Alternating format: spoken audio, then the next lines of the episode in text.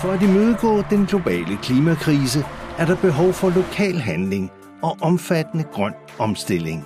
Derfor har Køge Kommune lavet en ambitiøs klimaplan, der lever op til Paris-aftalens målsætninger om CO2-neutralitet i 2050.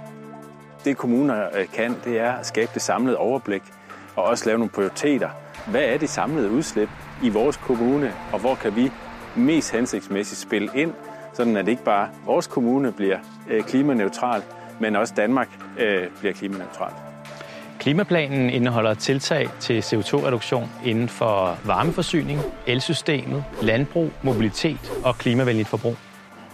Vi vil gerne have, at folk stiller bilen og tager toget i stedet for. Jamen, øh, det er super vigtigt at tænke energi med ind i, når man renoverer. Så har vi set nogle muligheder med nye teknikker, varmepumper og, og andet, som øh, kan erstatte nogle af vores øh, processer, øh, der i dag er hvad skal man sige, opvarmet af fossil brændsel. Vi forventer at kunne halvere CO2-udledningen i 2030 og være CO2-neutrale i 2050. Det officielle CO2-regnskab, det indeholder hverken CO2-udledningen fra biomasse eller vores forbrug. Det har vi valgt i Køge og, og inkludere i vores CO2-regnskab. Det har vi valgt for at synliggøre de handlemuligheder, vi har i forhold til at ændre vores forbrug til mere klimavenligt forbrug.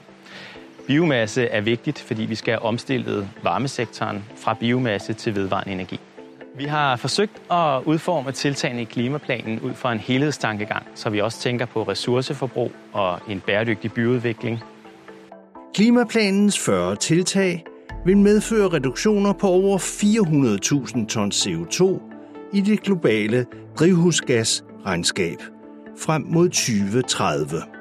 Fra 2030 til 2050 vil en fortsat national og lokal indsats sikre yderligere reduktioner inden for alle sektorer.